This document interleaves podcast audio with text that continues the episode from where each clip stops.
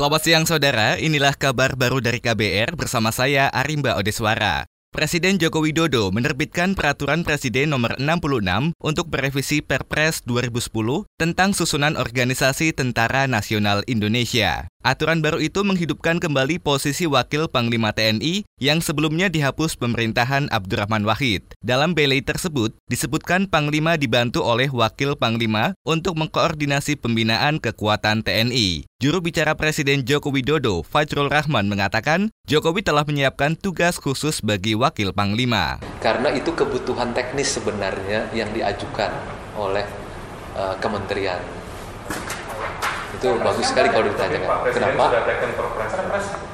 Tapi begini kan, kalau posisi terkait dengan apa tadi, wakil menteri, wakil panglima, sebelumnya kan kriterianya jelas ya dari Bapak selalu untuk menangani tugas khusus atau tugas prioritas. Periksa saja. Juru bicara Presiden Fahrul Rahman enggan berkomentar banyak soal penghidupan kembali jabatan Wakil Panglima TNI. Menurutnya, pos wakil pada kementerian atau lembaga selalu diajukan oleh menteri atau kepala lembaga tersebut. Dalam aturan baru itu disebutkan, tugas wakil Panglima membantu pelaksanaan tugas harian Panglima, memberikan saran pelaksanaan kebijakan pertahanan negara, serta melaksanakan tugas lain yang diperintahkan oleh Panglima. Kita ke gedung KPK Saudara yang telah memanggil sejumlah pejabat terkait dugaan suap kuota impor ikan. Siti Tasida, silakan dengan laporan Anda. Saudara Komisi Pemberantasan Korupsi atau KPK memanggil dua pejabat dari Kementerian Kelautan dan Perikanan serta Kementerian Perdagangan terkait kasus dugaan suap kuota impor ikan di Perum Perindo. PLT Direktur Logistik PDSKP Kementerian Kelautan dan Perikanan Prayudi Budi Utomo dan Kasubdit Barang Konsumsi Direktorat Impor Ditjen Perdagangan Luar Negeri Kemendak yaitu Karsan dijadwalkan menjadi saksi atas tersangka Direktur PT Navi Arsa Sejahtera Mujib Mustofa. KPK menetapkan Mujib sebagai tersangka pada 24 September kemarin bersama tersangka lain yaitu bekas Direktur Utama Perum Perindo Risyanto Suwanda. Dugaan sementara ada alokasi fee Rp1.300 untuk setiap kilogram frozen Pacific mackerel yang diimpor ke Indonesia.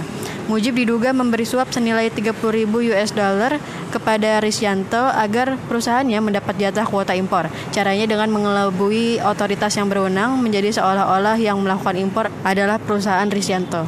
Dari Gedung Merah Putih KPK, Siti Sadidah Hafsyah melaporkan untuk KBR. Kita beralih ke Balikpapan. Dinas Tenaga Kerja di Senaker Kota Balikpapan, Kalimantan Timur, membuka layanan di luar jam kerja melalui program Job Cafe Sahabat. Program inovasi ini untuk warga maupun perusahaan yang tidak sempat ke kantor Dinas Tenaga Kerja pada saat jam kerja. Kepala Dinas Tenaga Kerja Kota Balikpapan, Tirta Dewi, mengatakan, untuk sementara, program dibuka pada hari Rabu dan Jumat malam untuk melayani pembuatan kartu kuning, konsultasi, dan lainnya e, kalau kami lihat e, banyak yang tidak berkesempatan untuk e, merasakan pelayanan pada jam kerja. Sehingga kami berinovasi walaupun kecil tapi kami harapkan ini bermanfaat bagi masyarakat.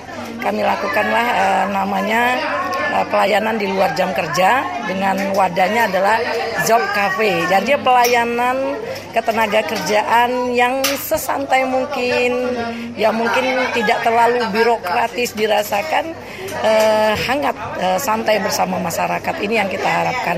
Kadinasker Kota Balikpapan Tirta Dewi menambahkan masih akan melihat minat masyarakat dan perusahaan. Kata dia, jika nantinya jumlah pengunjung meningkat, maka layanan malam ini akan dibuka pada hari lain. Kita beralih ke Malaysia. Aparat keamanan Malaysia menangkap tokoh oposisi Kamboja Muso Chua. Ia ditangkap di Bandara Kuala Lumpur, Malaysia. Penangkapanmu terjadi beberapa hari setelah pemerintah Kamboja meminta negara-negara di kawasan Asia Tenggara menangkap dan mendeportasi para tokoh oposisi yang tinggal di pengasian. Mu Chua merupakan wakil presiden Partai Penyelamat Nasional Kamboja CNRP. Partai itu sudah dibubarkan pemerintah dan dinyatakan sebagai partai terlarang. Sejumlah tokoh oposisi termasuk Mu Chua dan tokoh Sam Rainsy sebelumnya hendak pulang dari pengasingan ke Kamboja pada 9 November ini, meski resiko tinggi tinggi. Sebelum ditangkap di Malaysia, Muso Chua sempat menggelar konferensi pers di Jakarta Rabu kemarin. Ia mengecam pelanggaran hak asasi manusia dan demokrasi di Kamboja. Konferensi pers itu memancing kemarahan Duta Besar Kamboja di Jakarta dan meminta pemerintah Indonesia mendeportasi tokoh oposisi itu. Demikian kabar baru dari KBR, saya Arimba Odeswara.